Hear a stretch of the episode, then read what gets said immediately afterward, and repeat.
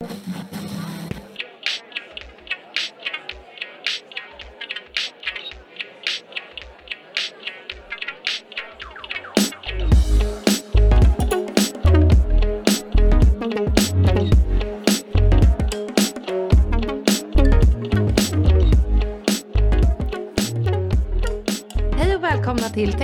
Techskaparna, en podd för med dem som bygger techföretag och produkter.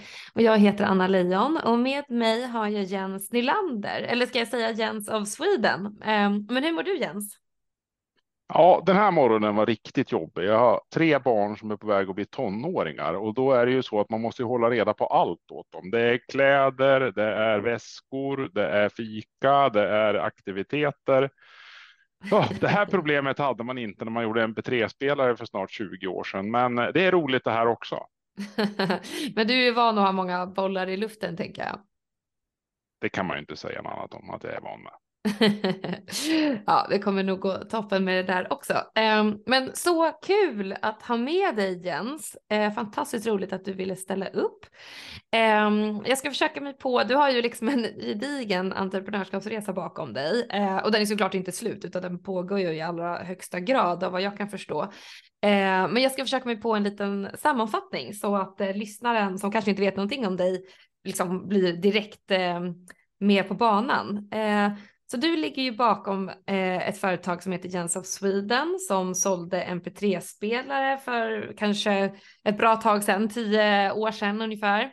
Och sen ligger du också bakom Jace som säljer hörlurar med lite designfokus. Eh, och då ligger du också bakom ett tredje företag som heter Automile och som producerar digitala körjournaler av vad jag kan förstå. Eh, och sen på din LinkedIn-profil kan man ju se att du även har många fler företag som du liksom har eh, fingrarna med i, i spelet på. Men vi ska försöka fokusera på de här tre i det här avsnittet tänkte jag. Eh, och, och, då om vi bara snabbt eh, dyker in i var och ett av dem. Så med Jens of Sweden så red ju verkligen på MP3-vågen eh, som var superhypat där när, när det begav sig och du gjorde en vinst på liksom 4,2 miljoner kronor första räkenskapsåret. Eh, men sen lades företaget ner. Men du startade också Jace som tillverkar designhörlurar kan man säga. Någonting som också var väldigt trendigt och rätt i tiden, liksom där 2006 när det begav sig. Och det företaget har till och med börsintroducerats på Nasdaq av vad jag kan förstå. Och till slut så har vi Automile som jag sa som producerar digitala journaler och har en Mobile First Approach och som också verkar ha gått som tåget. Eh, Automile AB omsatte 81 miljoner kronor 2021 och gjorde en vinst på 2,4 miljoner kronor. Och omsättningen har ökat stadigt varje år sedan starten. Och sen har ni också ett amerikanskt bolag såklart, men nu eh, fokuserade jag bara på det svenska. Så eh, det var en liten kort sammanfattning av vad du har producerat hittills. Eh, och om jag ska sammanfatta då så är du liksom en tech-entreprenör, du har många lyckade företag bakom dig och några saker har de ändå gemensamt av vad jag tycker då och det är ju framförallt ett teknik, design och kvalitetsfokus och sen så känns det också som att du framförallt alltid är så himla rätt i tiden. Du har liksom rätt time to market eh, med alla dina de här tre företagen om jag får säga det själv. Um, så det kanske är ditt framgångsrecept, jag, vad vet jag, det är i alla fall min analys. Uh, så uh, håller du med om den här sammanfattningen? Det var mycket nu. Nu ett litet avbrott för ett meddelande från vår sponsor. Det här avsnittet sponsras av Levio och God El. Med deras innovationstävling Startup for Climate vill de lyfta fram innovationer som accelererar energiomställningen och som är bra för planeten som helhet. Tävlingen riktar sig till svenska startups, techbolag och entreprenörer. De som har de bästa affärsidéerna med störst mätbar klimatnytta vinner tävlingen. 2 miljoner kronor ligger i potten. Ansök nu på startupforclimate.com och får med siffran 4. Sista ansökningsdag är 20 augusti. Tack Elevio och god el! Jag, jag, jag, håller med om allting. Det, det, det är svårt att komma ihåg alla år, men MP3, MP3-eran, det var 2003 till 2005, så det är faktiskt 20 år sedan. Oj. Men eh, jag kommer ihåg den som att det vore igår och här på mitt skrivbord har jag faktiskt och håller i de första MP3-spelarna, den så kallade MP100 eller 110 och jag har även faktiskt en guldfärgad MP400 som var klädd i faktiskt 24 karats guld. Så jag har, jag har alla MP3-spelare framför mig från 2003 till 2005. Wow, okej. Okay. Bra att du rättade mig där. Ja, det är lätt att glömma åren så här när man blir lite till, till åldern. ja, eh. dessutom så har jag ju hållit på så länge nu så nu börjar jag bli gammal också.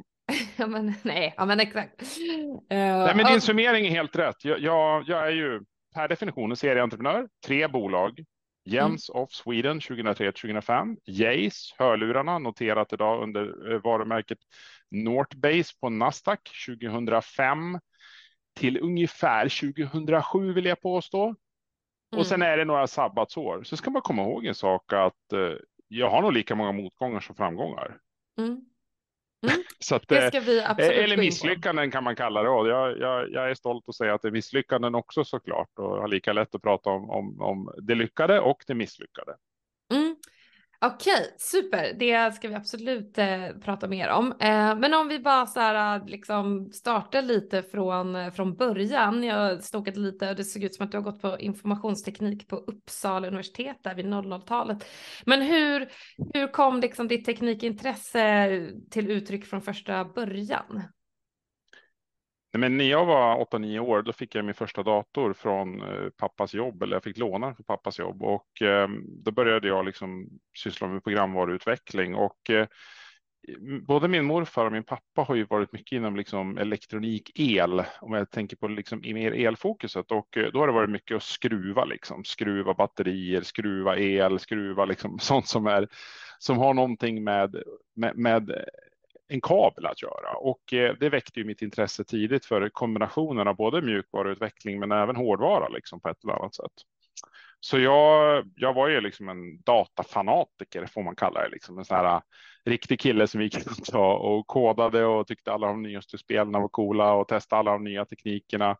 Och på den här tiden då började man använda en liten app som heter Winamp där man spelade MP3-låtarna. Jag vet inte om alla kommer ihåg det här, de lyssnarna, men vissa kommer nog säkert ihåg det. Den här appen där man kunde ha olika plugins och det kunde se lite coolt ut när man spelade låtarna och så vidare.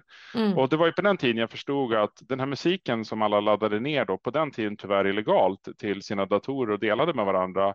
Det var framtiden för att man kunde helt enkelt inte tro att man skulle liksom hålla på och skicka runt kassettband eller då på, på den här tiden var det kanske också mycket CD-skivor som sen med minidisk och eh, jag ville se till att det gick att konsumera musiken på ett mer modernt sätt och det var då den här idén uppstod om bolaget Jens of Sweden. Sen kan man ju ha en hel eh, helt avsnitt kring hur namnet uppkom. Men det uppkom i en bilresa tillsammans med min frus pappa som, som är idag är avliden och inte finns kvar. Men vi satt och diskuterade liksom hur man skulle kunna ja, ifrågasätta elektronikindustrin lite grann på ett modernt sätt. Liksom. Det var ganska tråkigt, trist och det var ganska tech liksom, så mm. på något sätt. Och då vill vi ha ett modernt, typ så här lite styligt klädesnamn, lite galet till och med, liksom så där. Ungefär som att man ringde runt och skulle sälja det här så tyckte alla, är han komplett galen den här igen som väljer sitt eget personnamn på grejerna. Men eh, det visar ju sig att det fungerade mycket, mycket bra och jag var exakt i rätt tid. Ja, exakt. Det där, det där ska vi komma tillbaka till. Men jag känner också att du, är, du har så himla bra liksom, timing hela tiden. Uh, nu, jag plockade upp att du nämnde Winamp. Nu har, jag är väl lite yngre då, så jag har ju aldrig använt det här. Du sa att det var en app, uh, men hur funkar det? Eller hur funkade den? Det, fanns det appar på den? ja, men på den tiden då, då delade man ju mp3-låtar mellan varandra. Antingen så kopierade man dem på hårddiskar och åkte runt till varandra, eller så hade man olika fildelningsnätverk då, som så, såklart inte var, var, var lagliga på den tiden. Um, och den här mediaspelaren Winamp, det var liksom de facto där man spelade låtarna i. Liksom. Man satte på sig sitt headset hemma eller kopplade på högtalaren datorn och så spelade man musiken med Winamp. Så på alla, alla fester man åkte runt på, då hade man ju den här appen öppen och då kunde man ha liksom så lite coola equalizer settings. Man kunde ha någonting som rörde på sig på skärmen när musiken spelades. För man hade ju inga smarta, smartphones då. Man hade inga mobiler som var liksom kapabla till att spela musik.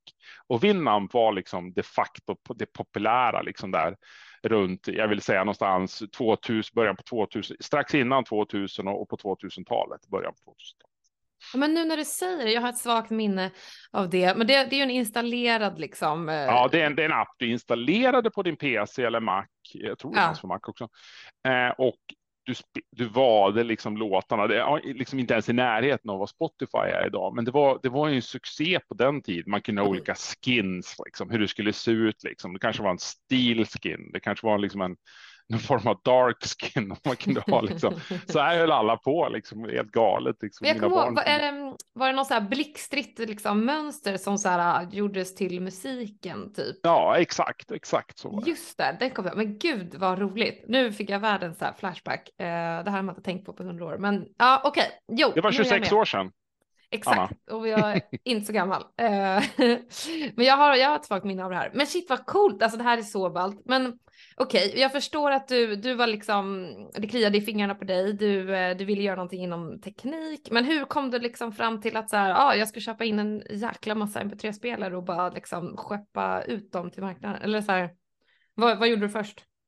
Ja, men det jag gjorde först var att jag satt där uppe i Uppsala som, som du nämnde och försökte studera till civilingenjör, liksom ett stolt och fint yrke ska man komma ihåg. Men, men jag kunde ju liksom inte sitta still riktigt. Jag tyckte det var tråkigt på lektioner. Jag tyckte lärarna var långsamma. Liksom. Jag ville att saker och ting skulle kunna hända nu. Jag är van att lära mig saker själv väldigt, väldigt fort. Och på den tiden så eh, fanns man säger så här, i början på 2003 när jag började bygga Jens Sweden, då fanns något som heter Global Sources som idag finns kvar såklart. Och det började även komma ett nytt varumärke som ingen använde, Alibaba.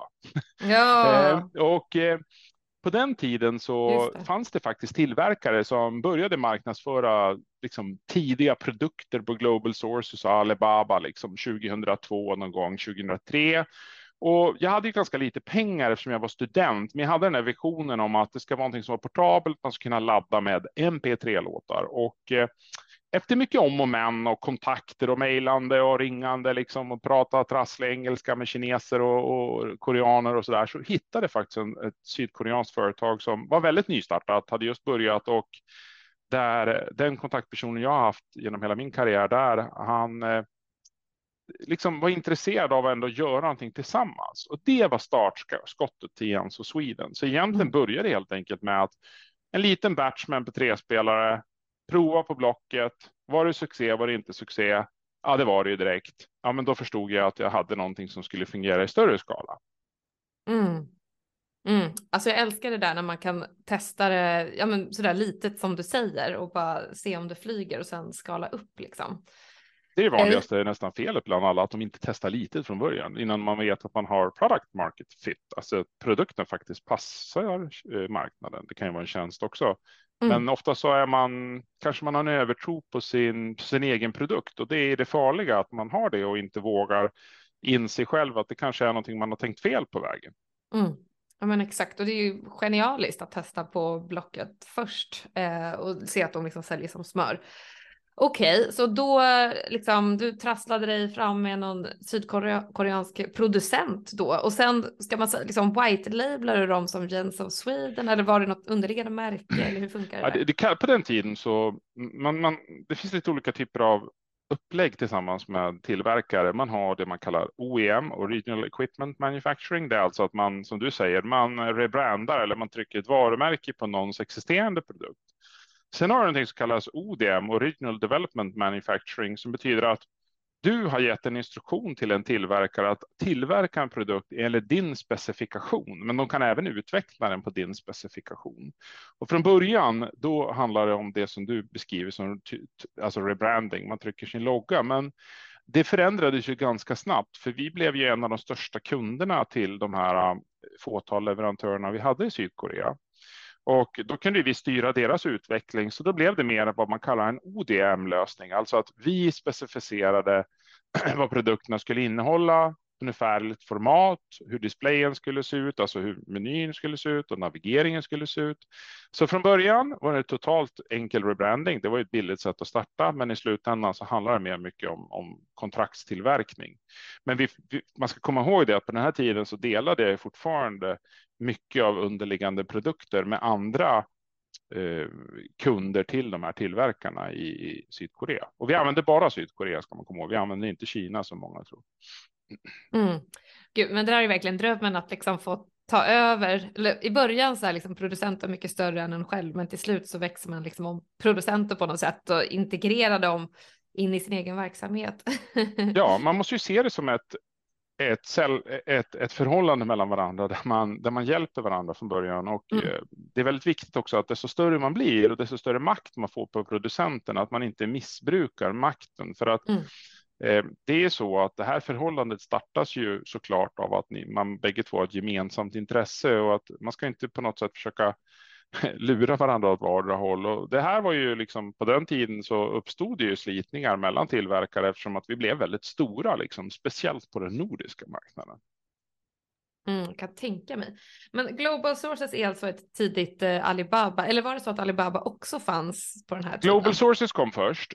Sen kom, eh, jag tror det tog ett eller två år innan Alibaba kom, men från början använde alla Global Sources. Eh, det finns ju kvar idag såklart, det är jättestort.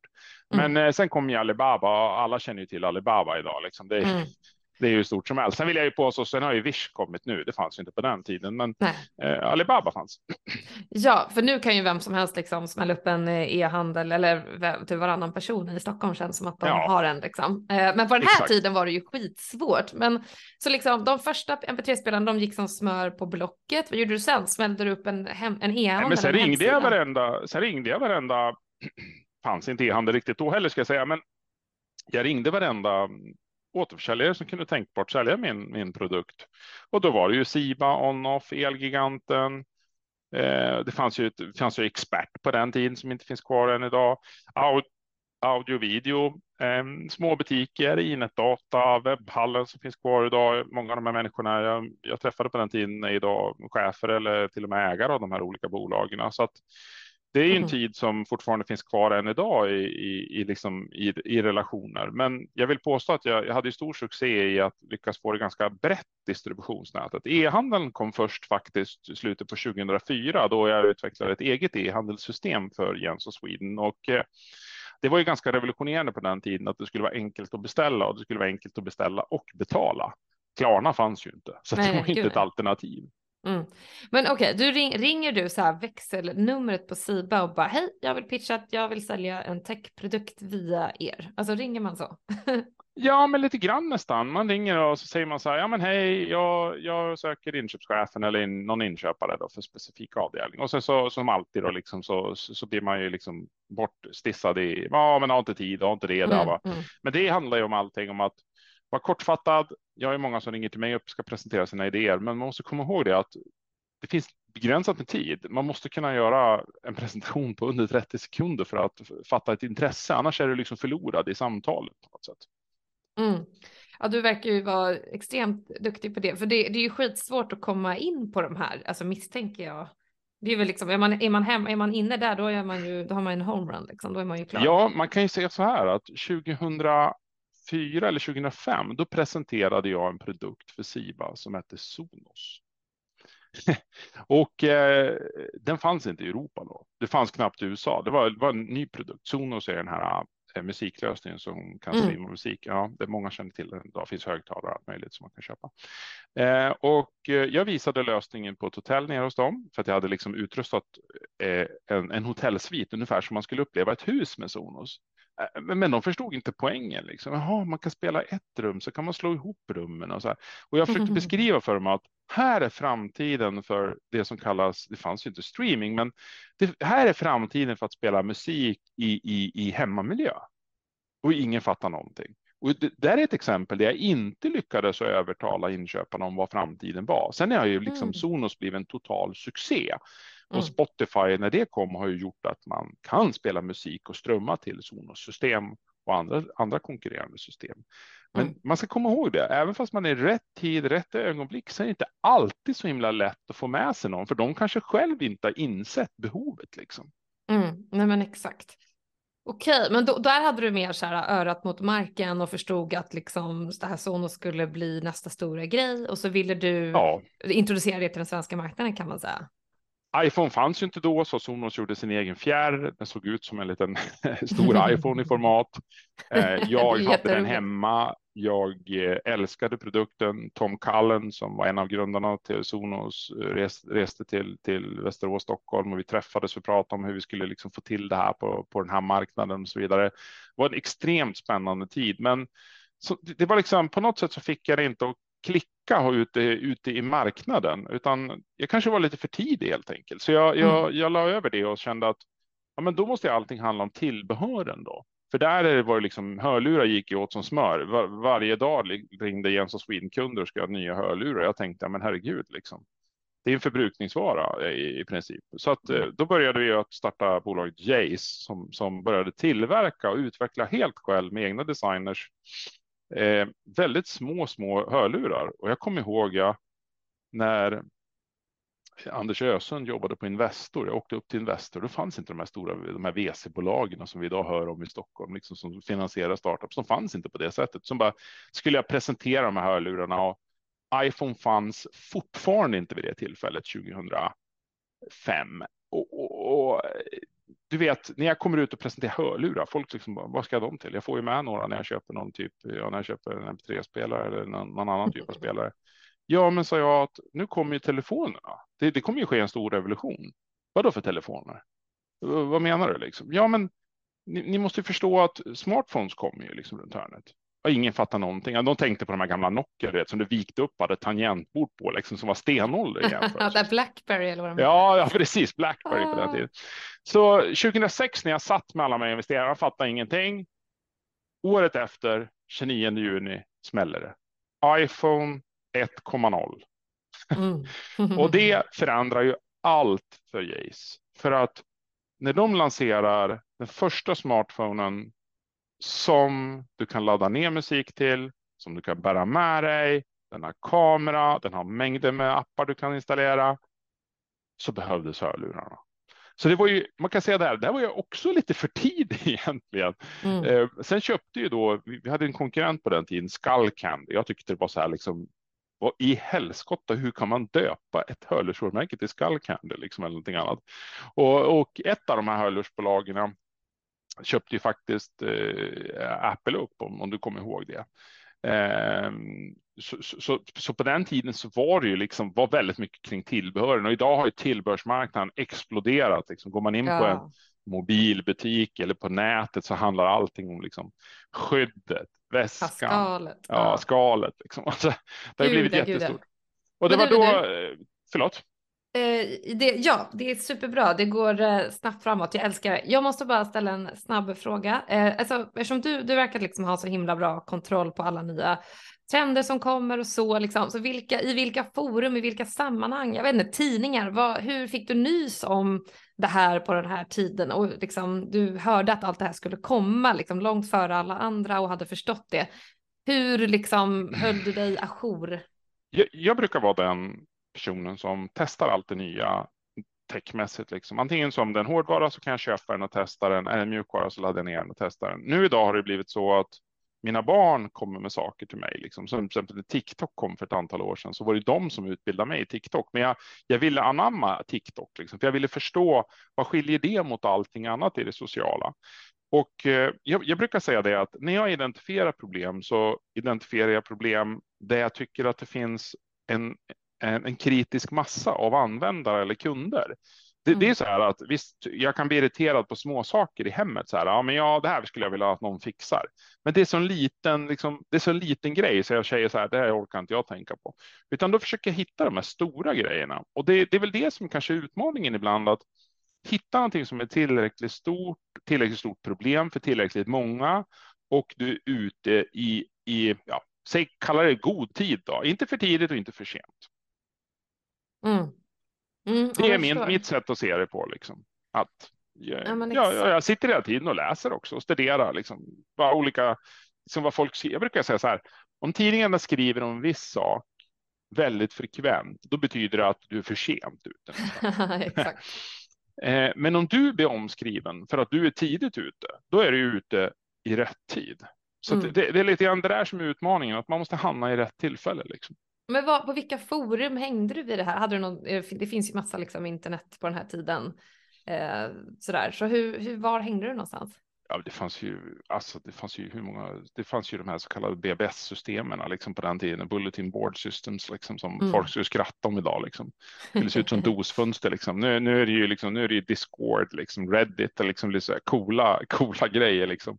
Mm, mm. Um, Quora och allt vad det må vara liksom. Men, men jag, jag, på den tiden så, så var det väldigt mycket tidningar. Alltså, jag, mm. kanske fortfarande elektroniska utgivningar tidningar, men då var ju allting gratis. Då var det inte paywalls överallt och så vidare.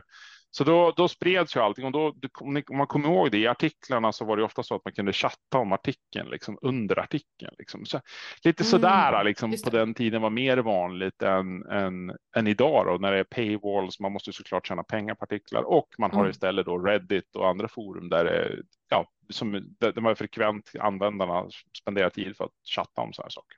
Mm, ja, men exakt. Men du, kan vi inte köra ett, om jag får vara skitjobbig, kan vi inte köra ett samtal att, du, jag är SIBA-chefen liksom och du ringer mig och pitchar din MP3-spelare. Uh, eh, kan vi inte göra det? Ja, absolut. Okej, okay, ja.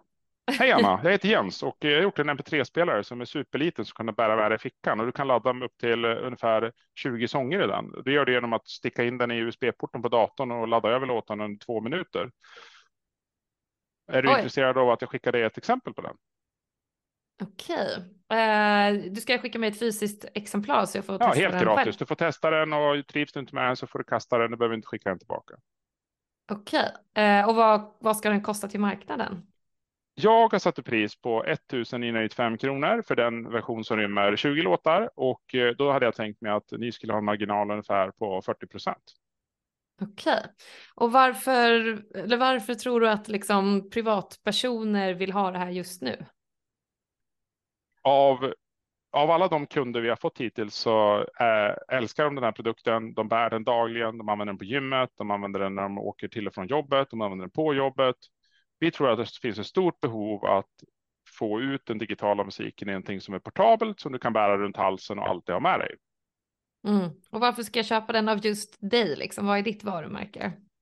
Framförallt så har vi möjlighet att hjälpa er väldigt mycket med marknadsföring. Vi är väldigt starka i Norden. Vi kan se till att vi, vi oftast är ute frekvent i pressen och pratar om våra produkter.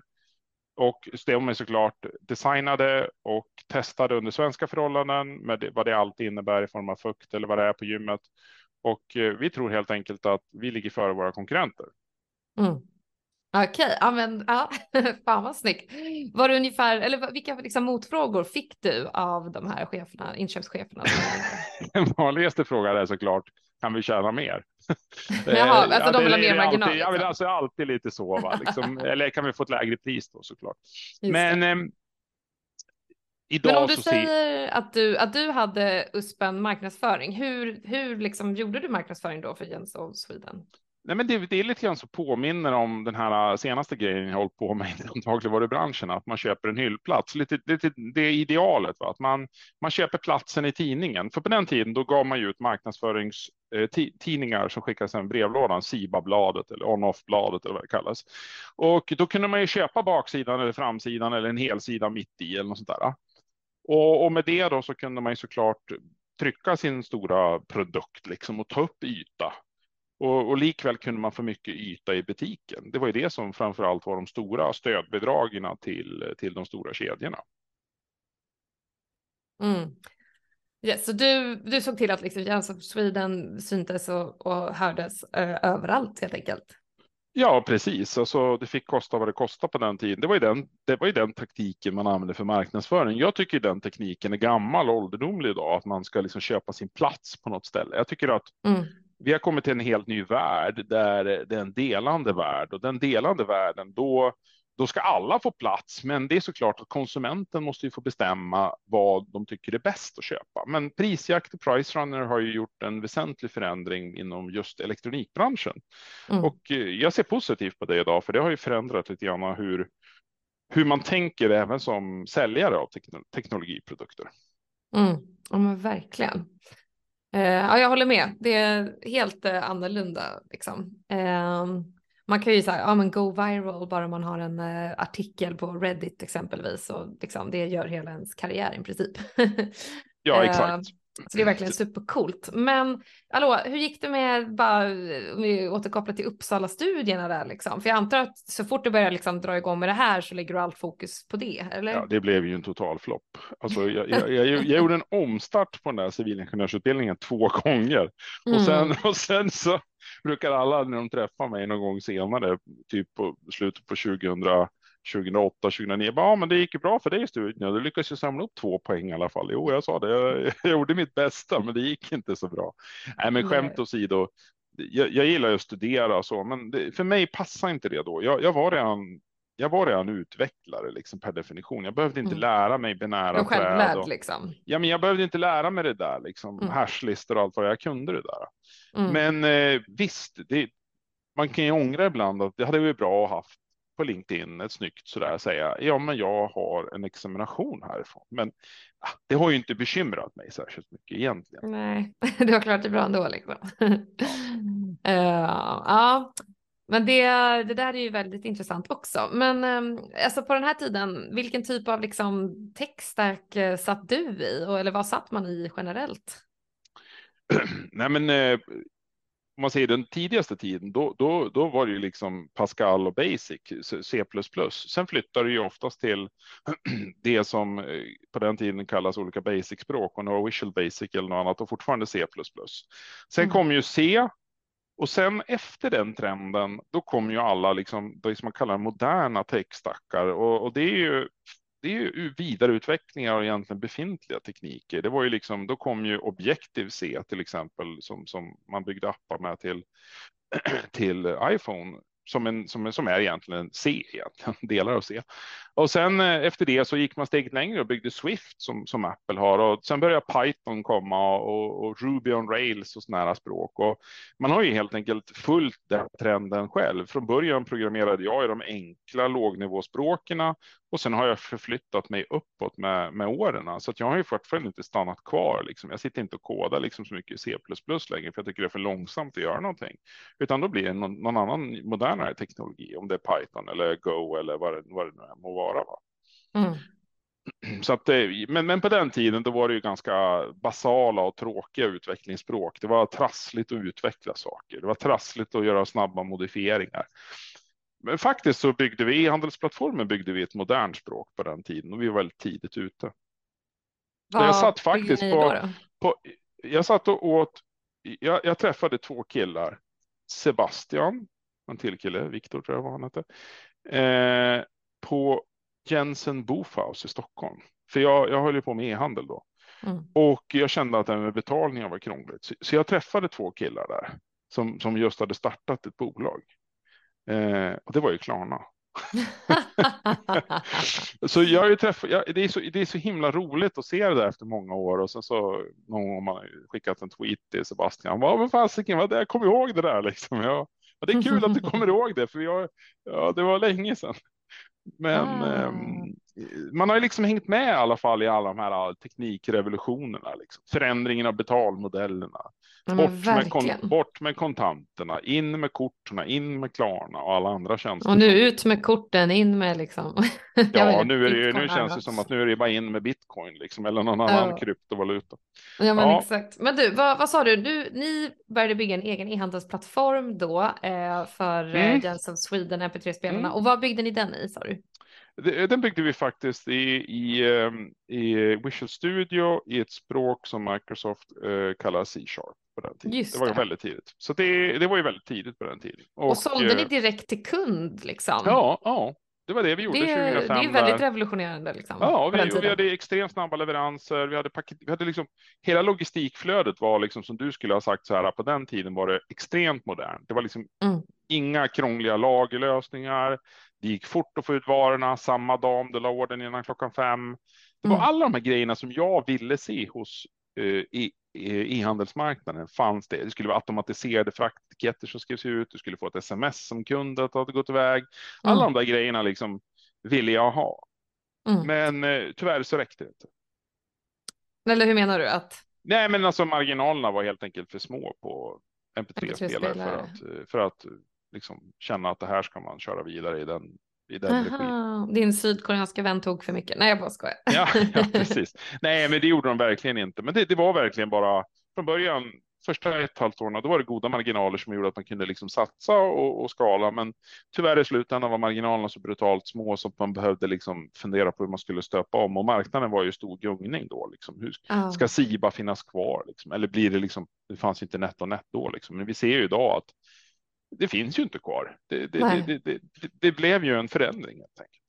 Ja, exakt. Det gungade i marknaden som du säger. Men kom det en massa konkurrenter då som också sålde M3-spelare? Eller? Jo, men det gjorde det absolut. Och, då... och det, de tummade på dina marginaler. Du behövde sänka priset. ja, liksom. men exakt. Och så kom ju mm. Price Runner och sen kom ju prisjakt också. Price Runner var ju först ute tidigt och det gjorde ju det att allt handlar om pris. Eh, ja. För, för på den tiden då brydde man inte så mycket om leveranskvalitet och support, utan då körde man bara så här. Eh, och idag har det ju blivit en balansering att när kund tittar på pris på prisjakt price runner så köper man inte bara på grund av priset utan man tittar också på betygssättningen på återförsäljaren och vad man får tillbaka i mervärde. Mm. Så man kanske inte alltid köper från den billigaste, men på den tiden då var allting om pris. Det ska vara mm. lägst. Mm. Liksom. Det, det, var mm. det viktigaste tyckte alla. Mm.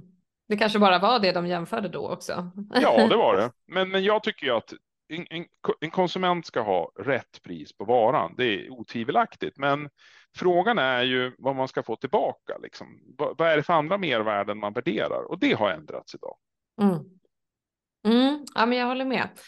Okej, okay. um, ja, men det började svaja lite med, med själva mp3-spelarna, men då liksom switchade du ju snabbt över till hörlurarna istället. Eller det var ju igång så att säga och du hade ju framförallt som du säger lite grann infrastrukturen på plats som man idag kan ta som självklar med typ Shopify, men som ni behövde bygga från scratch. Uh, så liksom hur, berätta, ni designade ju från scratch. Eh, ja, vi designar från scratch, tillverkar från scratch. Det, och det, ju, det var ju kostsamt det också. Man skulle ha designers, man skulle ha tek teknikteam, man skulle göra liksom alla plastverktyg. Och, det, var ju, det var ju mycket jobb. Liksom. Var det Men... sydkoreanska kompisen som? Nej, nej, nej, absolut nej. inte. Det, vi gjorde det i Sverige och så tillverkade vi i, ja, vi hade en rad olika länder, men det var en brittisk kontraktstillverkare som hade sina tillverkare. Det var en brittisk ja, akustikleverantör som vi hade i bakgrunden. Ehm, för vi gjorde väldigt små in-ear-hörlurar, för det fanns ju inte på den tiden. Så jag började göra in-ear-hörlurar, ungefär som AirPods Pro tror jag de heter, de som, som mm. går in i örat. Och eh, de var ganska dyra på den tiden tyckte folk. De tog, kostade tusen kronor. Jag tyckte väl inte att det skulle vara så dyrt ändå med räkna på hur de skulle hålla och användas. Men det, det var lite, det var lite trassligt innan iPhone 1.0 kom ut 2007 att liksom få folk att förstå varför man skulle köpa hörlurar för tusen kronor. Det, det var men verkligen. Och vad gjorde du? För jag vet, jag kommer ihåg att liksom, jag, jag hade inte Jace, men jag hade kompisar som hade Jace och det, det var liksom extremt lyckad marknadsföring kring, kring det.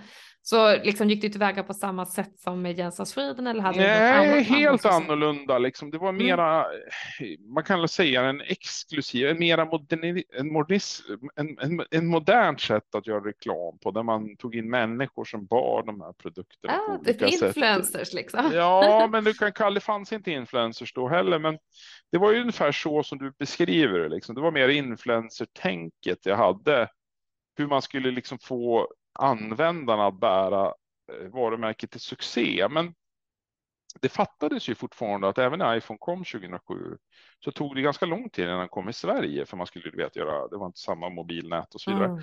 Så att det, det, det, det, var lite sekt måste jag säga. Eh, och det, det, var lite otåligt bland investerarkretsarna som, som hjälpte till att finansiera det här bolaget, liksom hur lång tid det egentligen skulle ta att bygga ett sånt där varumärke. Mm, ja, men jag fattar. Men hur, alltså då på den tiden, det var ju inte som att det fanns, eh, eller ja, Instagram började väl komma lite grann, jag vet inte, men, men det, det fanns så här, det togs ju inte bilder på folk, liksom, var, hur kan det vara värt att liksom skicka gratis hörlurar till någon? Ja, det kanske är någon kändis då, eller hur tänkte du liksom med att eh, vad ska man säga, tapetsera de här hörlurarna ute på stan. ja, men det var ju lite grann så att, men det blev ju från början ett väldigt, man upplevde det som ett såklart väldigt dyrt varumärke, man kan kalla det exklusivt idag, så upplevs det nog inte som så eftersom att hörlurar är man van kan kosta från liksom 200 kronor upp till 2000 kronor kanske. Så att man har liksom fått en annan uppfattning om att hörlurar har ett stort värde, särskilt de kanske är trådlösa och så vidare. Men, men Jays sortiment är efter Henrik tog över det här bolaget och noterade det som en del av Northbase. Northbase är då flera varumärken, men man ska komma ihåg det. Northbase AB är Jays, för detta Jays AB. Eh, de, produkterna är fantastiska på så många sätt, för de är fortfarande väldigt skandinaviskt designade liksom, av ett team.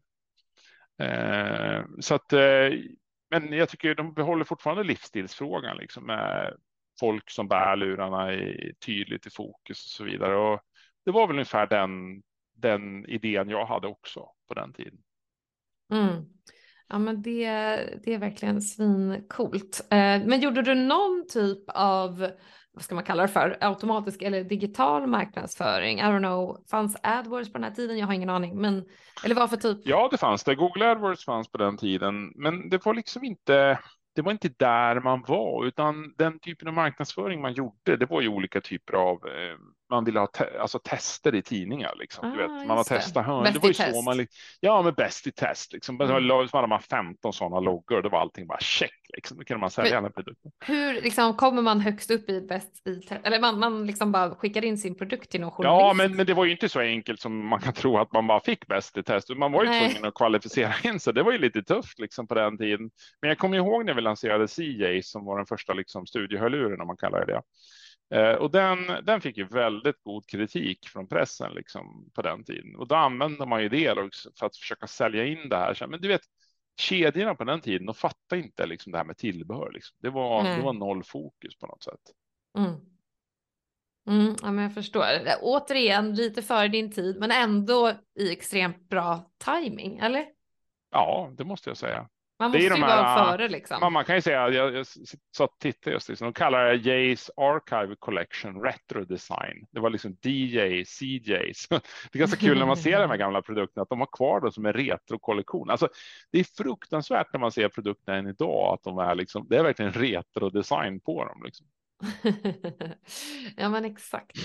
Uh, ja men så himla coolt, verkligen. Men hur, uh, du pratar lite om investerare och sådär, men jag misstänker ändå att, alltså ditt första företag, Jens of Sweden, den, det var ju typ bootstrapat lät det som, liksom. eller tog din ja, det var inget externt kapital överhuvudtaget. Liksom. Nej, det var helt liksom din egen ja, ficka så. Helt, helt um, egen ficka. Men Jace, där tog din investerare och varför gjorde du det? Precis. Nej, men det var ju helt enkelt, det, det var ju för dyrt att tillverka produkter på den tiden så att Almi hade då, kanske kallar investeringslån, olika typer av lånelösningar och sen så kombinerar vi det med, med det som kallas klassiskt venture capital och på den tiden så var ju venture capital inte så vanligt liksom.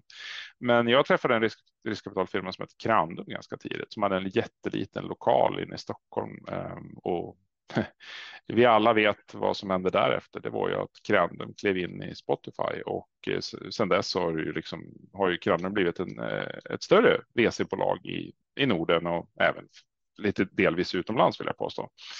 Så att eh, så, så, på den tiden så var det Crandum, men det var ju liksom fortfarande ganska begränsade investeringar jämfört med hur man investerar idag. Liksom. Säg att det var mm. några miljoner och nu kanske man liksom pratar om 20, 30, 40, 50 miljoner. Liksom. Mm. Ja, men jag tänker, för du tjänade ju ändå väldigt bra på Jens och Sweden där, eller som, som de publika siffrorna ser ut i alla fall. Eh, alltså jag hade, man hade kunnat tänkt att du hade kunnat använda dem till att starta ett nytt bolag. Liksom. Jo, men, tog... eh, ja, men eh, absolut. Alltså på Jens Sweden Teams gjorde man, jag kanske gjorde säg att vi, det var någonstans 4-5 miljoner vi gjorde innan, innan bolaget gick ut för. Men, men när det gick ut för så kostade det pengar också. Mm. Eh, och när vi startade Jace så, så gick väl de sista pengarna, om jag kallar de sista pengarna, åt för att finansiera det bolaget från början. Mm. Så att jag har ju halkat mig fram liksom genom varje bolag på ett eller annat sätt eh, tills jag då kom till mitt sista startup som, som blev lite större då. Eh, mm. Så att det, det, liksom, det, men det har inte varit några överdrivna liksom, lönsamheter i, i Jays från början heller. Jay kämpade ju länge med att få upp sin lönsamhet tillräckligt mm. högt upp. Liksom. Eller omsättning kanske ska mm. Men alltså, som du säger, det var andra investerartider då än vad det är idag. Liksom. Idag kan man mm. känns det som att man kan få, ja, kanske inte just nu idag, men för typ två år sedan när det inte var så ekonomisk kris. Men då kunde man, man kan liksom få 100 miljoner över ett bräde på en powerpoint i princip. Det känns som att så liksom är investerar, eller var investerarklimatet i alla fall för några år sedan. Men som du säger, på din tid var det ju liksom helt annorlunda. Så hade du en liksom eh, ja, en prototyp som du visade upp som de kunde testa? Eller hur pitchade du till dem? Ja, exakt. Alltså Jays första produkt, eh, den som heter DJs, med det som var David, det var den första produkten som jag åkte runt och, och visade alla investerare och, och, det var den som, som man sålde in bolaget på. Sen så därefter så tog man delar av investerarnas pengar och investerade i nya generationer och det var ju såklart framför allt CJs som var studiehörlur och så, så fortsatte man ju med en liten billigare hörlur som kallas SJs och så sa äh, men liksom, det, det var ungefär så det såg ut liksom. Och alla mm. produkter kostade runt liksom någonstans 500 kronor upp till 1500 kronor. Det var ju liksom, men det här var ju som jag säger igen före iPhone 1,0 liksom, så det, det var ju tidigt ute och nu är det ju mer trådlösa hörlurar på schemat såklart. Ja, men då finansierade du din första prototyp helt själv, kanske med pengar då från Jensens Ja, men exakt. Mm. Den första DJs, det var finansierat av mig tillsammans med Almi och sen så var det väl, nej men det var väl så det var finansierat. Mm. Det, det var... Så himla coolt, verkligen. Eh, och sen, du pratade, den här börsintroduktionen är jag såklart också superintresserad av. Var, var du med på, på hela det spåret liksom? Och kan du berätta lite om hur det gick till? Nej, jag faktiskt, eh, vad var det, 2006, 2007 någon gång, då kände jag att eh, tillsammans med, med samtal med investerarna att man, man liksom, jag, hade, jag kanske hade en vision och de hade väl ett annat sätt att se på det. Vi, vi, kände liksom att nu är det dags att någon annan driver det här vidare och då, då gjorde man ett, ett ledarskapsskifte och eh, i det sammanhanget så fanns väl inte planen för notering överhuvudtaget i schemat, men den personen som fortsatte att leda det bolaget, han valde att, att notera bolaget och skaffa kapital den vägen. Så, så jag lämnade ju liksom synen då. Jag fanns ju inte liksom med i, i bolagets aktieägarregister eller aktiebok på något sätt. Så jag hade ju lämnat då, 20, jag tror det var 2007. Jag, du hade jag sålt då, liksom dina delar? Då hade jag sålt min andel. Liksom. Sen mm. eh, tog det ju några år och det var, de hade fortfarande trassligt börsen och sen gjorde man ju den här hopslagningen med Northbase och ett antal andra varumärken och det klev in en, en, en vd som heter Henrik som är i, i min ålderskategori och han har ju, han har ju i alla fall lyckats få till produktmixen väldigt, väldigt bra. Så att det, man kan säga att liksom, jag, det där var en ganska kortvarig historia. Jag tror att jag höll på med det där i två eller tre år. Mm. Mm, ja, det är återigen eh, timing liksom. Då vill du gå vidare, det kliar kanske i fingrarna och du vill bygga någonting annat. Eller, eller var det ja, men jag är inte rädd för inte ge upp, men jag är inte rädd för att deklarera eh, surrender eh, liksom, och, och, göra nästa grej det ska man komma ihåg som entreprenör. Håller man, håller man saker för hårt, det är såklart att man ska inte ta motgångar så hårt. Men jag menar när man, när man väl har bestämt sig, ja men det här funkar inte, då gör man något annat. Liksom. Det, det är inte svårare än det. Mm. Man ska inte se det som någon större förlust i, i sin karriär, utan det, det, är som det är. Mm. Och eh, det var väl så jag, jag kände. Nu, nu var det 2007, så det tog ett antal år till innan jag startade mitt tredje bolag. Mm. Eh, tog ju faktiskt nästan 2014, så det var ju nästan sju år senare. Mm. Vad, vad har du för liksom, tips till någon som känner att så här, ah, jag har kört fast, jag kommer inte vidare med det här bolaget. Liksom, vad, vad, finns det något så här, tankesätt? Bara, du ska lägga ner det när du har försökt så här länge och det funkar inte längre. Eller, du vet, ja. antingen, antingen får man pivotera helt enkelt välja någonting annat att pröva med. Mm. Um, och funkar inte det, då måste man ju välja att, att, att helt enkelt uh, göra en klassisk surrender och göra något annat. Men uh, det är liksom, uh, det är svårt att säga, ge, ge något råd till alla, men det, det, mitt, mitt enskilda råd ska väl vara att motgångar, det kommer för alla, inga konstigheter. Men product market fit, om produkten inte, om du inte får den att funka på marknaden, då måste du våga pivotera, förändra, Passar inte då, då får du pivotera igen. Du får hålla på bara sådär. Och har du hållit på tillräckligt länge, då, då kommer du kanske till slut känna att det funkar inte och då funkar det förmodligen inte. Mm. Ja, men exakt. Ja, eh, verkligen. Och sen, jag blev också lite sugen på det här för att liksom, nu pratar många om det här med liksom DTC, så direct to consumer, liksom, sån typ av försäljning. Men på din tid när det begav sig där med MP3-spelarna, då måste ju det ha varit sjukt ovanligt. Eller ja, det var ju nästan bara B2B då. Liksom, man hade ju inte, Exakt. det fanns ju massa liksom, fanns ju hur mycket diskussioner som helst om B2C, liksom att sälja direkt till konsument. Oj, vad farligt. Och hur ska supporten funka? Hur ska... Det var liksom, sen vet alla att liksom Apple idag har generellt sett en strålande tjänst där man köper direkt från dem. Men det finns, mm. deras produkter finns ju att köpa i andra butiker. Men det är Apple fortfarande som håller i, håller i service och support. Och, jag mm. tycker det att det har ju visat att det, det är så det moderna sättet ska vara. Mm. Ja men exakt, Nej, det var ju bara återförsäljare där innan liksom. Eh, men hur resonerade du eller vad behövde du när du började med direct to consumer? Var det liksom som du nämnde kundservice? Var det något mer som? Nej, men det var, var jag satsade just det. Jag hade ju misslyckats lite grann med kundservicen i samband med att vi hade ett problem med en produkt med en Sweden men jag ville ju vända det så att jag, jag har ju liksom 2004 då tog jag fotsteget ifrån det som jag kallar den gamla supportmetodiken till den nya. Och den nya var kund svar inom tre minuter, alltid öppet på telefon, alltid e-post och sen så vart det ju chatt nu i framtiden såklart. Men att mm. man skulle kunna nå oss utan liksom krångliga samtalsmenyer. Bara så här, jag, jag blir galen när jag hör de här menyerna. Liksom. Mm, man blir så här bortkollrad liksom. det komiska, man trycker så åtta knappkombinationer så kommer man fram till någon som heter Robert. Så bara, sen, kör man an, så provar man att ringa en gång till och trycker massa andra kombinationer. Då kommer man också fram till Robert. Ungefär som så här, det är bara en som svarar på alla, alla knappkombinationer, men de ska ha det bara för att de hoppas på att hälften hoppar av på vägen. Ja exakt, det är så här man försöker ja, bortkolla folk. Liksom. Ja, jag känner mig lite som att jag är så här, fast i så här Kafka-processen. Liksom. Man kommer inte vidare vad man än gör. Liksom. Sen är det så sjukt att inte folk, det, är så här, det här är ett strålande exempel. Du och jag, vi vet att när du ringer till en komplex samtalsmeny, då glömmer du bort vad de sa när du ska trycka. Mm. Och, och, och, och det, nu ska jag berätta en sak. Det är så här man kommer på affärsidéer. Ja, men, lyssna vad jag just sa. Varför då kommer inte de på som, som köper sina lösningar och sätter dem i drift på att så är fallet? Mm. För att jag kan ju sitta och prata med något av mina barn i bakgrunden och säga plötsligt bara vad fasiken sa hon i menyn? Jag trycker två. Ja, då hamnar jag fel. Så får jag ringa om och göra om allting.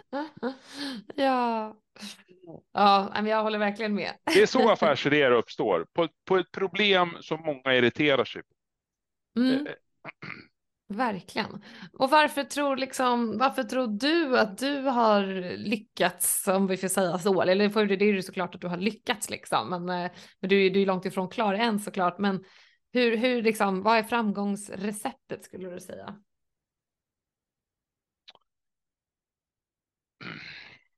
Nej, men nej, att jobba hårt när det behövs. Det, det, är ju, det är ju inte jag rädd för. Sen så tycker jag att många tänker lite för snävt i sina affärsidéer. De säger att de ska lösa ett problem inom ett geografiskt distrikt eller område, en stad till och med. Det är liksom så svårt att etablera något bolag på det. Liksom. Eh, jag menar Revolution Race jag, jag var en tidig kund hos dem och jag älskar dem på sitt sätt. Men jag menar liksom, det går inte att bygga ett sådant bolag och säga vi gör aktivitetskläder för Stockholm. Liksom. Sen är det slut, liksom. eller inte vet jag, för Norrland. Liksom. så de, de, måste ut på nya marknader. Liksom. Det är Tyskland eller vad det må vara.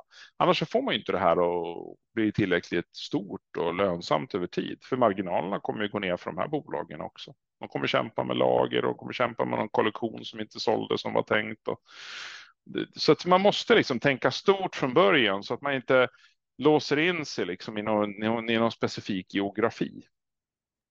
Mm. Mm. Ja men verkligen. Think big or go home eller vad ska man säga? ja, det är korrekt.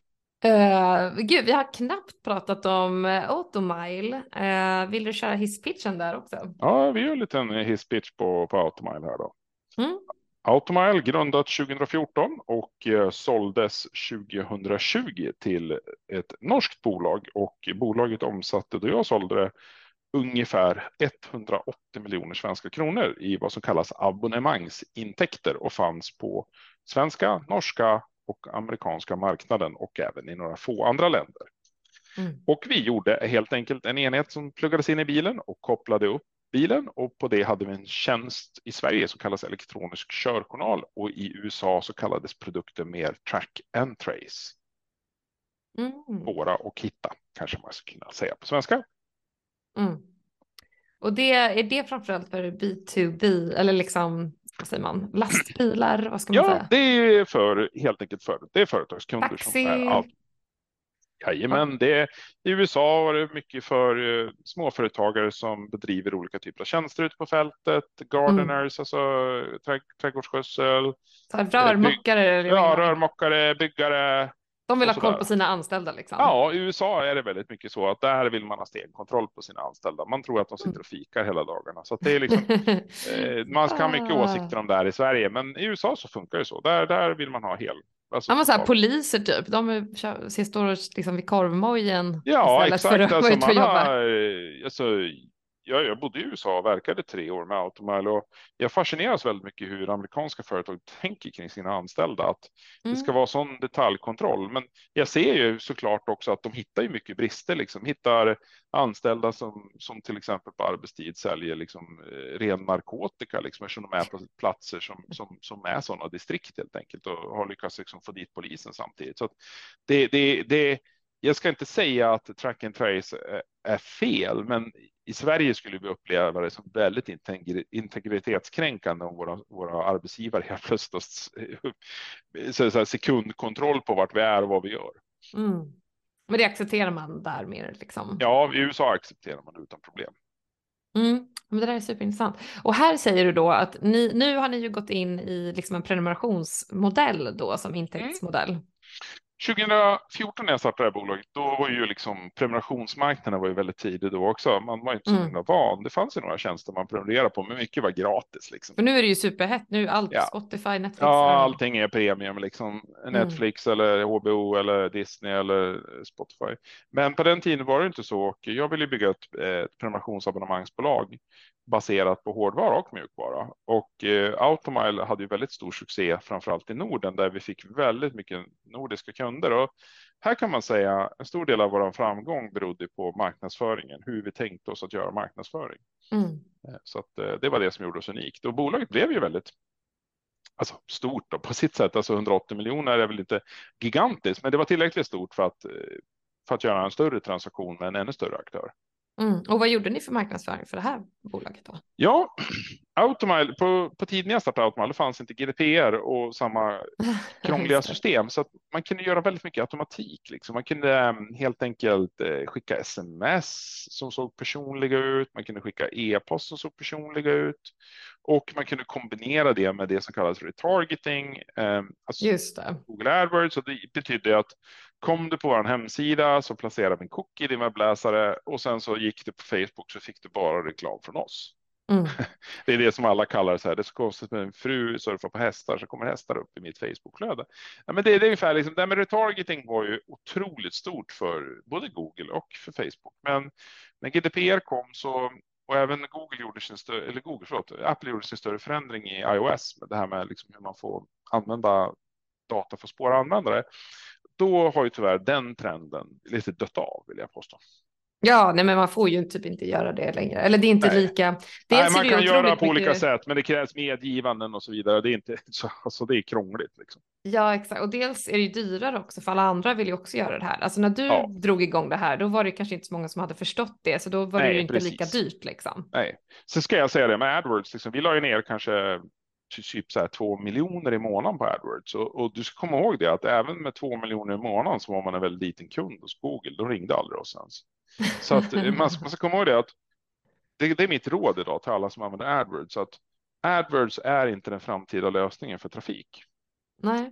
Eh, jag vill bara säga det för att du kan använda det, men problemet är att själva modellen för hur det används av företag har gjort att det blir lite sådär eh, du kastar pengarna på något som du inte säker ger någonting i slutändan. Mm. Eh, så att, så att eh, det, det, finns folk det funkar för, det finns folk det inte funkar för. Jag vill bara säga det att det är inte säkert att det funkar för alla. Nej, nej, nej, verkligen. Och vad, om du säger att det inte är framtiden, vad är då framtiden? ja, eh, nej, men jag tror ju. Jag är nu inne på det som jag upplever som det hetaste. Det är att när media har satt upp paywalls och mm. GDPR har kommit så har det stört till lite grann hur man ska tänka sig att komma ut.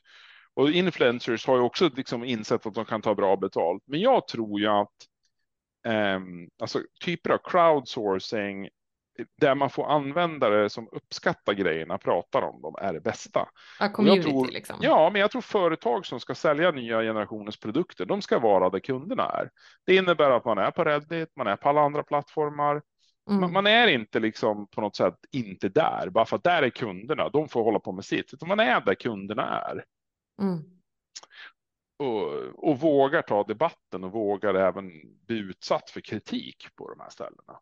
Ja exakt, för det, det kan man ju oftast, liksom, när man ser alla de här företagssidorna på Facebook och LinkedIn överallt och de är ju så jäkla liksom påklistrade på något sätt och de kan ju godkänna kommentarer och inte godkänna kommentarer och så är det bara bra kommentarer som de godkänner och svarar på och så vidare. Liksom. Ja. Men att de är mer, de känns lite mer mänskliga på något sätt. ja, men lite är... så är det. Jag, jag är liksom lever i tron att konsumenten och kunden bestämmer. Så de, har, de bestämt, har någon bestämt sig för att de är missnöjd med någonting, då, då får de skriva det och då då tycker inte jag att man ska försöka liksom. Jag har sett vissa företag, de går liksom i på något sätt i försvar, ja, vilket exakt. är det sämsta man ska göra. Man, så här hade jag haft en missnöjd kund och sagt så här, tråkigt att du är missnöjd. Får jag slå dig en signal? Här är mitt nummer. Jag har till och med socialt skrivit rakt ut i att den här är mitt privata nummer. Ring mig när du vill på dygnet. Jag går dock och lägger mig klockan 11 skulle jag skriva. Nej, men lite så va. Att, mm. det, som företag har blivit rädda för kunderna. Nej, men, de vet, är så stora också. De kan liksom gömma sig bakom sin storlek. Ja, du får ringa mellan 9 och 12 för det är då jag har tid och så får du ringa till växel. Det är lite sådär va. Ja men exakt, exakt. Eller eh. ofta att man gömmer sig liksom i, bakom massa personer. Ja. Uh, ja men jag håller helt med. Och det som i ett annat avsnitt jag hade, då hade jag med GeoGuessr. Ja men du vet det här uh, mm. Google Maps. Uh, och de, han berättade att de liksom sitter och svarar på alla tweets på Twitter liksom. Ja, det är så man ska göra. och är liksom extremt tweets. närvarande. Ja. Och sen det, det, det är samma sak och liksom när det gäller liksom, jag, jag, alltså, på något sätt så har ju jag liksom, i samband med den här sista grejen, dagligvarudebatten, liksom, hamnat i någon form av liksom, där alla användare vill vara med och påverka. Det, det, är, liksom, det är så man vill ha det. Liksom. Vissa mm. säger liksom, något taskigt så här typ, ja, det är skit, ja men okej, det är fine. Det säger någon annan utmärkt, det, det är precis så det ska vara. Mm. Du, du, för man kan inte längre leva i den här gamla tron att nej, nej, nej, nej, vi vill bara ha de kunderna som inte säger någonting. som är nöjda och bara liksom pytsar in ja, varje månad. Det är ungefär som att när man får vet, med undersökningar efter man har gått en utbildning så svarar jag precis så som jag tycker. Mm. Då är det ungefär som att bara för att de skriver någonting dåligt, då vill ingen, då, då är det så här sen bara, Nej, men det, du, du, du, då tycker du är konstigt. Liksom, ja, men gud.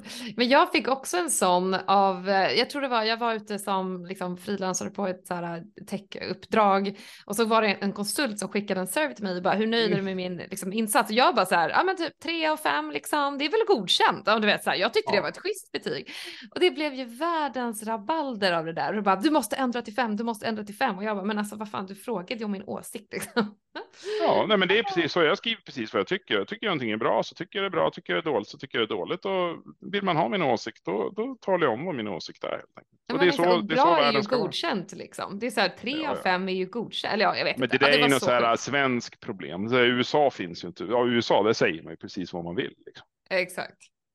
Exakt, men här vågar man liksom inte riktigt. Och det där, det är så himla förstörande tycker jag. Det är söndrande att folk inte säger vad de tycker på riktigt. Så här. Speciellt när man jobbar ja, som, som vi med liksom att försöka bygga nya produkter och pitcha saker och så här. Alla bara, men det är jättebra.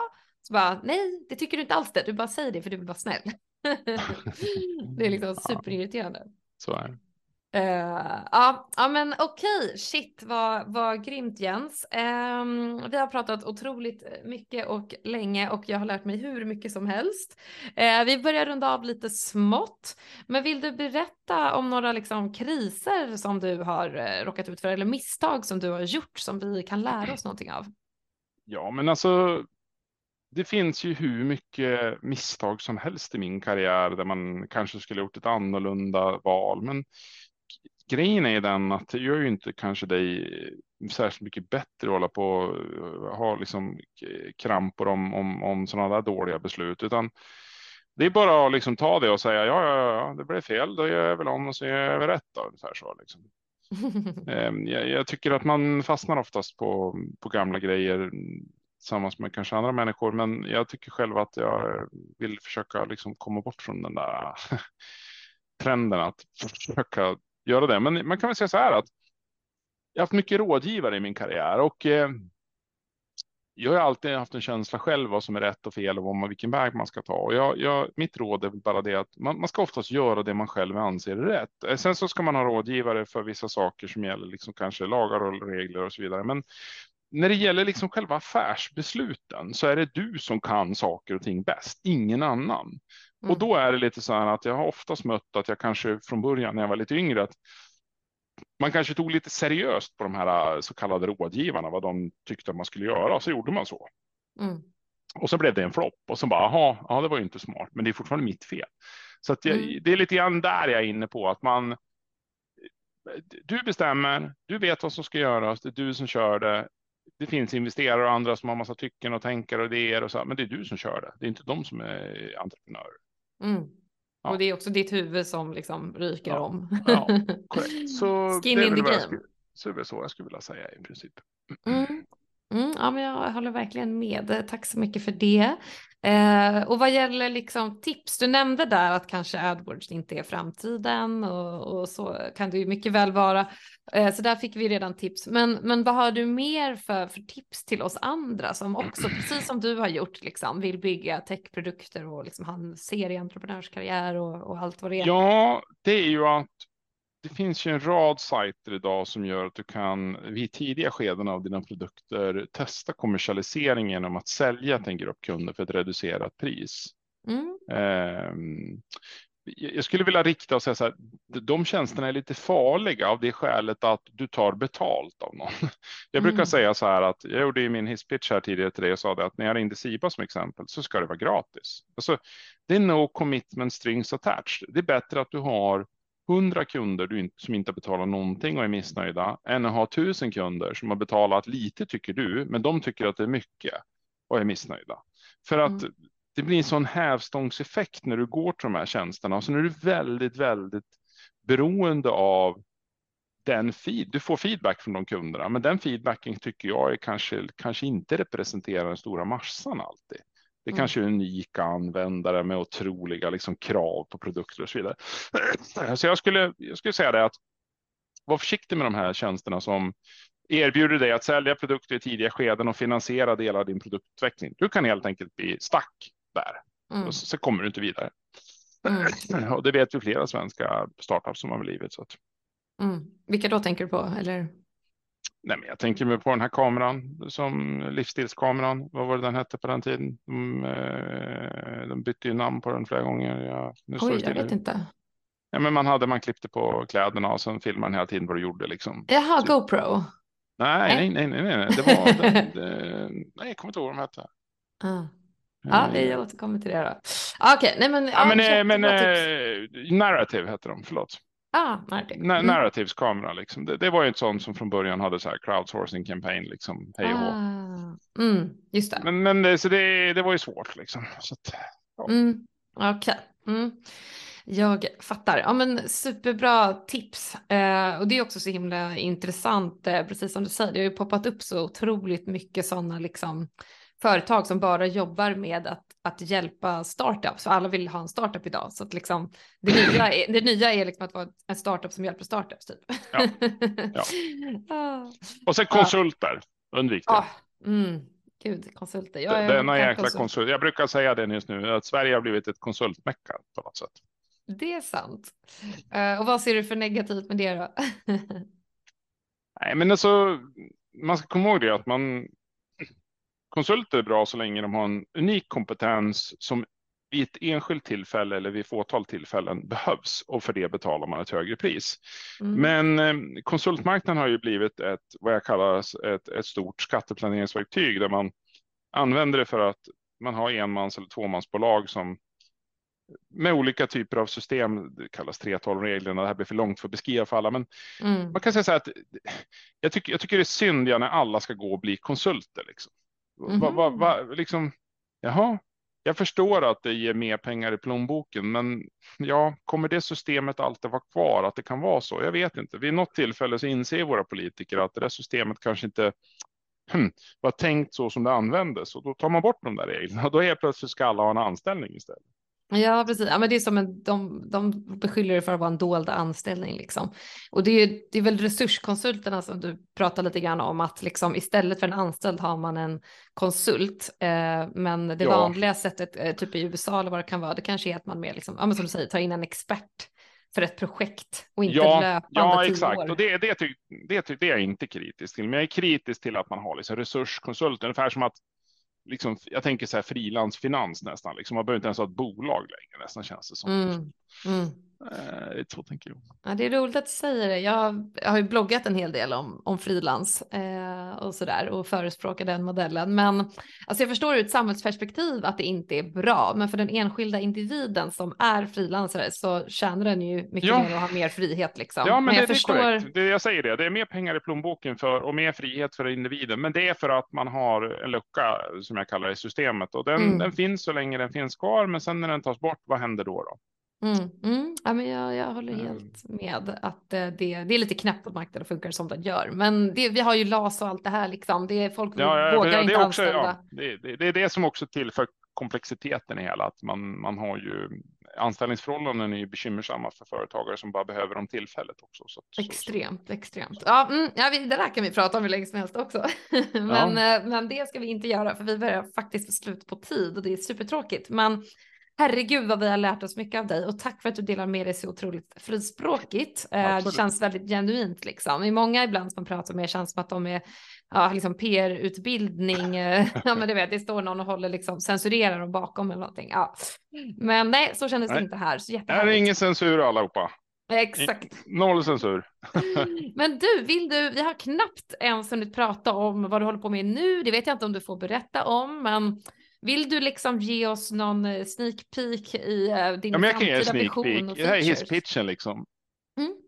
Informationen, så här. Det finns för mycket som vi människor inte vet om saker.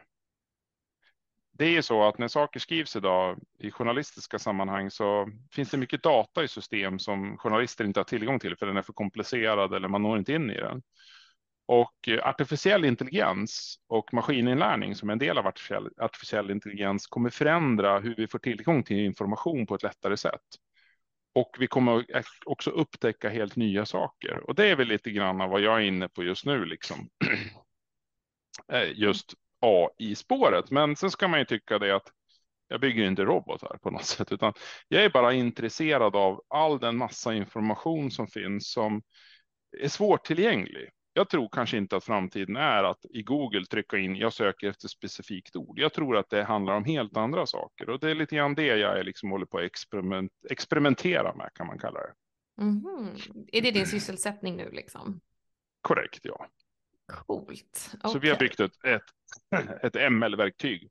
Mm -hmm. Som just ska liksom göra det enklare att få tag på svårtillgänglig data. Ja, eller upptäcka saker som inte har upptäckts innan. Mm -hmm. Så ska man också kunna formulera det. Ja, jag fattar. Ja, men det, det där känns ju som. Man kan mata den. Det är som en, en stor liksom arkmatare. Det är en omvänd pappersförstörare kan man säga. Den, den, tar, den tar bitarna av materialet och sätter ihop det till någonting meningsfullt för, för, för användaren. Och det är för en mängd olika sektorer. Det handlar inte bara om, man kan ju lätt tro att det kanske handlar om typ brottslighet och så där, men det kan användas för många andra saker. Liksom. Mm. Det kan, ja, använda, det... det... kan användas för ett företag ska marknadsföras och tala om när ska jag marknadsföra en viss vara baserat på inköpstrend. Det är ett sådant mm. exempel. Mm. Ja, det är därför jag tror att marknadsföringen kommer förändras med takt på introduktionen av ML och AI. Man mm. förändrar mm. helt enkelt när och hur man marknadsför och det är det jag är, är, är ganska intresserad av. Ja, jag förstår det. Och då tittar du på så här, liksom Google Trends eller vad har du för liksom data? ja, det, det är ett exempel, men eh, jag tyckte ett bra exempel var eh, Tidgänget twittrade det här. Då hade ett företag i USA, ett startup, liksom hittat på ett nytt sätt att, eh, att hur man i realtid kan följa inflation. Mm. Om man tänker sig så här, inflation det följer, det är liksom proffs som gör det. Man samlar in statistik, man gör analyser, man bara, men snälla du, det, det är inte så det behöver gå till i världen. Mm. Och det är det jag menar lite grann att AI och ML kommer förändra sättet att vi tillgängliggör statistik och information. Mm. Och det gör ju också att eh, press och media kommer få helt andra nya verktyg för att följa trender. Ja, trender. Och jag tror ju att det förändras. Jag tror därför Google också inser att ja, men okej, man söker på ett sökord idag, men vi måste ju förstå vad användaren har det i för kontext. Liksom. Mm. Vad är det de behöver? Liksom. Mm. Och det tror jag är, om man tänker på chatt GPT, eh, liksom, om man, alltså om man tänker sig lite liksom, ah, på något sätt så när vi har pratat om AI, då har det varit så abstrakt för alla. Det är svårt att förstå vad AI bara, det låter coolt, liksom artificiell intelligens. Men sättet att använda AI, det är det som kommer förändra på vilka, mm. på vilka marknader och industrier man använder det. Vissa är det för långt bort, vissa är det för nära nu kan man säga, så det går att använda redan nu. Mm. Så. Så. Mm. Ja, men jag förstår vad du, eh, ja, vad du aimar at och det låter svinballt. och vi är spända på, på att se hur det kommer att ehm, hur, kommer, hur det kommer se ut i slutändan helt enkelt. Eh, mm. Så när du släpper någonting så får du gärna pinga till, eller ja, som det marknadsföringsgeni som du är så kommer man ju se, se det före man hör det höll jag på att säga. Ja, Men, ja, shit vad balt. Vi väntar med spänd förväntan. Eh, Hörru du Jens, tack så hemskt mycket. Det här har varit eh, helt fantastiskt. Jag har lärt mig otroligt mycket eh, och det hoppas jag att eh, alla lyssnare känner också. Eller jag är helt säker på att de känner det. Men du, min allra sista fråga innan jag ska få släppa iväg dig till att revolutionera AI. Eh, vet du någon annan eh, textskapare som du tycker att jag borde intervjua härnäst?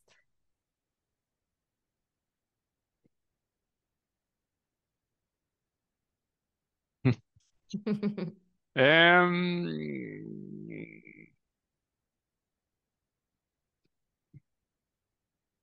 alltså jag tycker jag, jag, kan inte komma på någon liksom just nu, liksom, för det, de här stora, det, det, är liksom så här lite grann att eh, ljuset har slocknat just nu, lite grann när marknaden är som den är. Man, man mm. nu letar alla, vem, vad är nästa grej ungefär så liksom.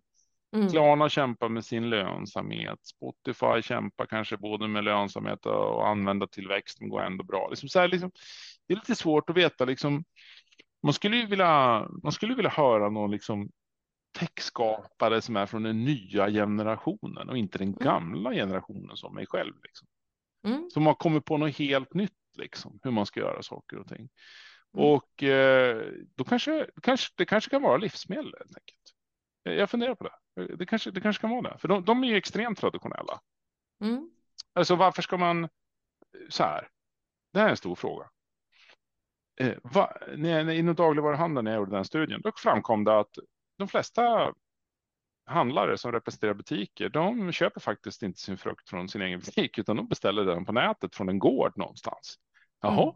Och då undrar jag så här, varför gör inte konsumenterna det? Om, om kostnaden inte är särskilt mycket högre och man kan välja precis vad man vill ha direkt från gården och gården får nästan hela marginalen. Vad mm. är då poängen med att köpa den i butiken om det inte är akut? Mm. Lite så tänker jag. Där har jag hittat många intressanta koncept, liksom Finka, Solmark, gården, svenska gården i Spanien som säljer direkt till svenska konsumenter, liksom med ett mm. paket till brevlådan. Alltså den är ju fantastisk. Liksom. Mm. Hur, vem, vem kan få avokado, apelsiner, clementiner, meloner till brevlådan på ett svenskt sätt med svensk betalning från en spansk gård? Mm. Det är en revolution för mig om man kan förändra den typen av marknad. Mm. Ah, men jag... när, när du går i en butik, då är saker och ting placerade på så sätt att du ska köpa ett visst antal saker.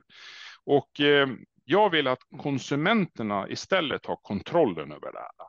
Mm. Du ska inte köpa en vara som står på bäst plats, som har högst marginal, som de tjänar bäst på och bli lurad av det. Du ska ha möjligheten att köpa de bästa produkterna som du och andra användare tycker bäst om.